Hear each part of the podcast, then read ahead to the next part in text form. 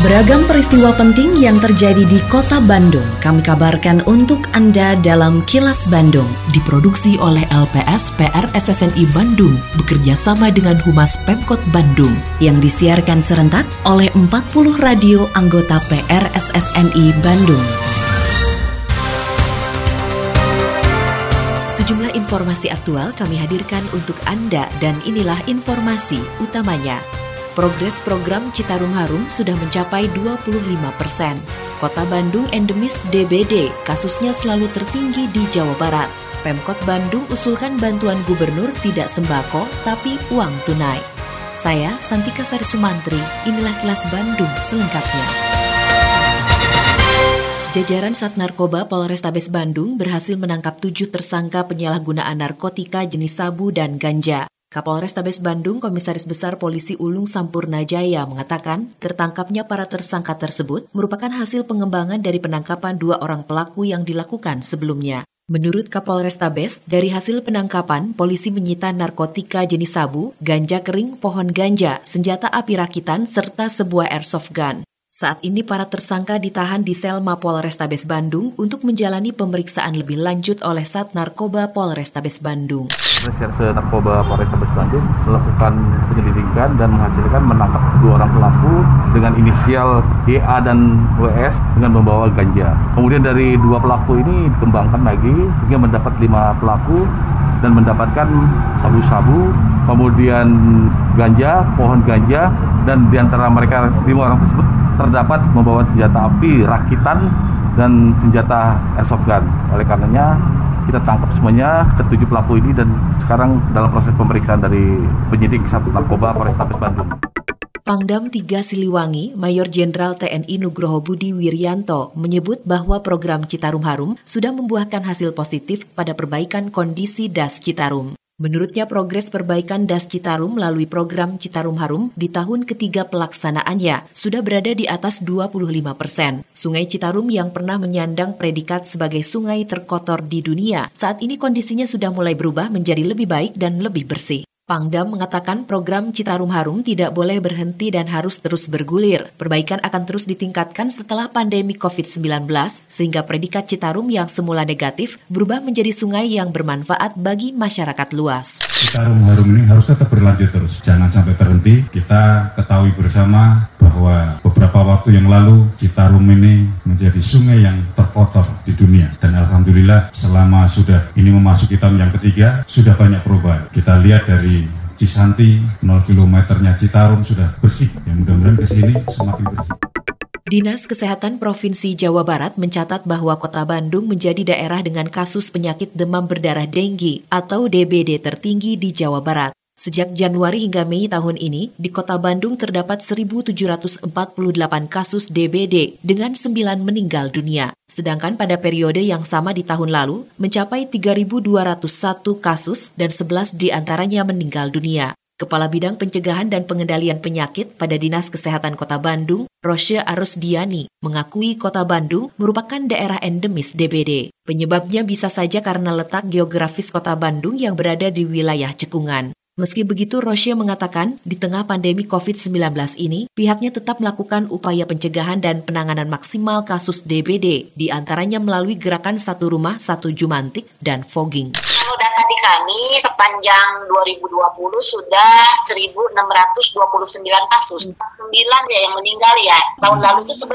sampai bulan Mei. Ini uh, kita memang betul tinggi, tapi sebetulnya kalau dibandingkan dengan tahun yang lalu di bulan yang sama, uh, sebetulnya belum mencapai ke uh, angka yang sama di tahun yang lalu. Tahun lalu itu kita mencapai di 3.201 sampai bulan Mei.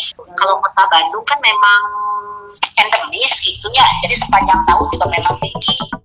PT Bursa Efek Indonesia kembali membuat terobosan dengan memanfaatkan teknologi informasi dan komunikasi dalam upaya meningkatkan pemahaman investor terhadap produk, layanan, dan kinerja perusahaan perseroan. Kepala Kantor Pusat Informasi Go Public Bursa Efek, Reza Sadat Syahmeini mengatakan, inovasi ini merupakan hasil sinergi dengan perusahaan tercatat di Bursa Efek Indonesia dengan nama Waktu Indonesia Berinvestasi atau WIB. Menurut Reza, nantinya program ini akan mengintegrasikan kegiatan edukasi kepada masyarakat di seluruh zona waktu yang ada di Indonesia. Seluruh materi program nantinya dapat disaksikan oleh masyarakat Indonesia secara berurutan tanpa jeda. Akan dilakukan kembali oleh Bursa Efek Indonesia dalam bersinergi dengan perusahaan tercatat sebagai upaya untuk meningkatkan pemahaman investor atas produk, layanan, dan kinerja perusahaan tercatat. Terobosan ini adalah program WIB, WIP, WITA, WIT Waktu Indonesia Berinvestasi yang mengintegrasikan kegiatan edukasi pada seluruh zona waktu WIB, WITA, WIT. Assalamualaikum warahmatullahi wabarakatuh. Salam sejahtera wargi Bandung yang kami cintai. Saya Hikmat Ginanjar, Kepala Dinas Pendidikan Kota Bandung. Wargi Bandung, bulan Mei ini penerimaan peserta didik baru atau PPDB untuk tingkat TK, SD, dan SMP di Kota Bandung akan segera dimulai. PPDB tahun ini dilakukan dengan tiga tahapan utama, yaitu pendataan, pendaftaran, dan pengumuman. Tahapan tersebut dilakukan secara online, sehingga para orang tua dan siswa tidak perlu datang ke sekolah. Ayo segera tanya informasi lengkapnya kepada wali kelas melalui telepon atau pesan di HP atau lihat informasi lengkapnya di website ppdb.bandung.go.id. Sekali lagi ppdb.bandung.go.id. Ayo daftar PPDB dari rumah. Pendistribusian bantuan sosial tahap pertama bagi warga terdampak COVID-19 di Kota Bandung sudah mencapai 96 persen. Saat ini pemerintah Kota Bandung sedang menyiapkan penyaluran bantuan tahap kedua dan ketiga.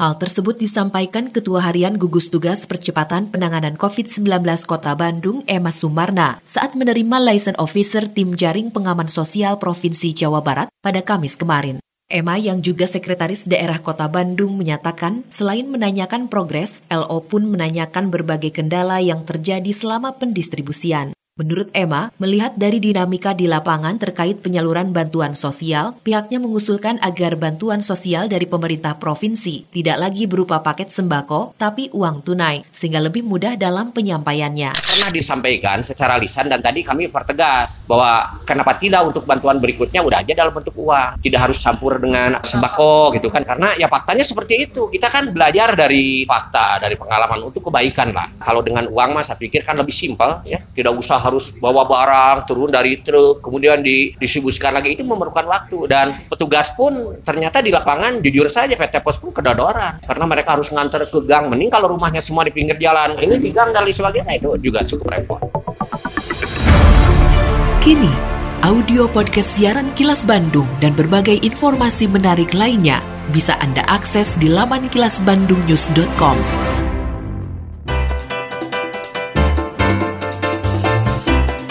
Berikut sejumlah agenda kerja para pejabat Pemkot Bandung Jumat 19 Juni 2020.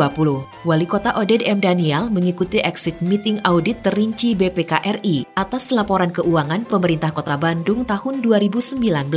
Berikut menerima laporan dan paparan anggota tim kebijakan wali kota terkait Bandung Cityscape. Sementara itu, Wakil Wali Kota Yana Mulyana meninjau rencana lokasi Sekretariat Komda Lansia Kota Bandung dan mengunjungi Dapur Sabandung, Kelurahan Cisaranten Kidul, Kecamatan Gedebage. Selanjutnya memimpin rapat TKPK perihal progres Raperda Penanggulangan Kemiskinan. Sedangkan Sekretaris Daerah Emma Sumarna menerima audensi Perhimpunan Pengusaha Hiburan Kota Bandung. Selain agenda kerja para pejabat Pemkot Bandung, informasi dari Humas Kota Bandung, yaitu Wali Kota Bandung Oded M. Daniel, memastikan progres penerimaan peserta didik baru atau PPDB tahun 2020 Kota Bandung berjalan sesuai aturan dan menghadirkan rasa keadilan bagi masyarakat. Untuk memastikan hal tersebut, Wali Kota datang ke SDN 132 Cihaur Gelis, SMPN 16, juga SDN 043 Cimuncang, serta Sekolah Rintisan SMPN 61 pada Kamis kemarin. Oded mengatakan dari hasil pantauan pelaksanaan PPDB di lapangan, belum ada pengaduan masyarakat yang signifikan. Dengan nihilnya pengaduan dari masyarakat, ia berharap bisa menjadi tolak ukur bahwa progres PPDB sudah dilaksanakan dengan baik. Demikian agenda kerja para pejabat Pemkot Bandung dan info aktual yang diterima redaksi LPS PR SSNI Bandung dari Humas Pemkot Bandung.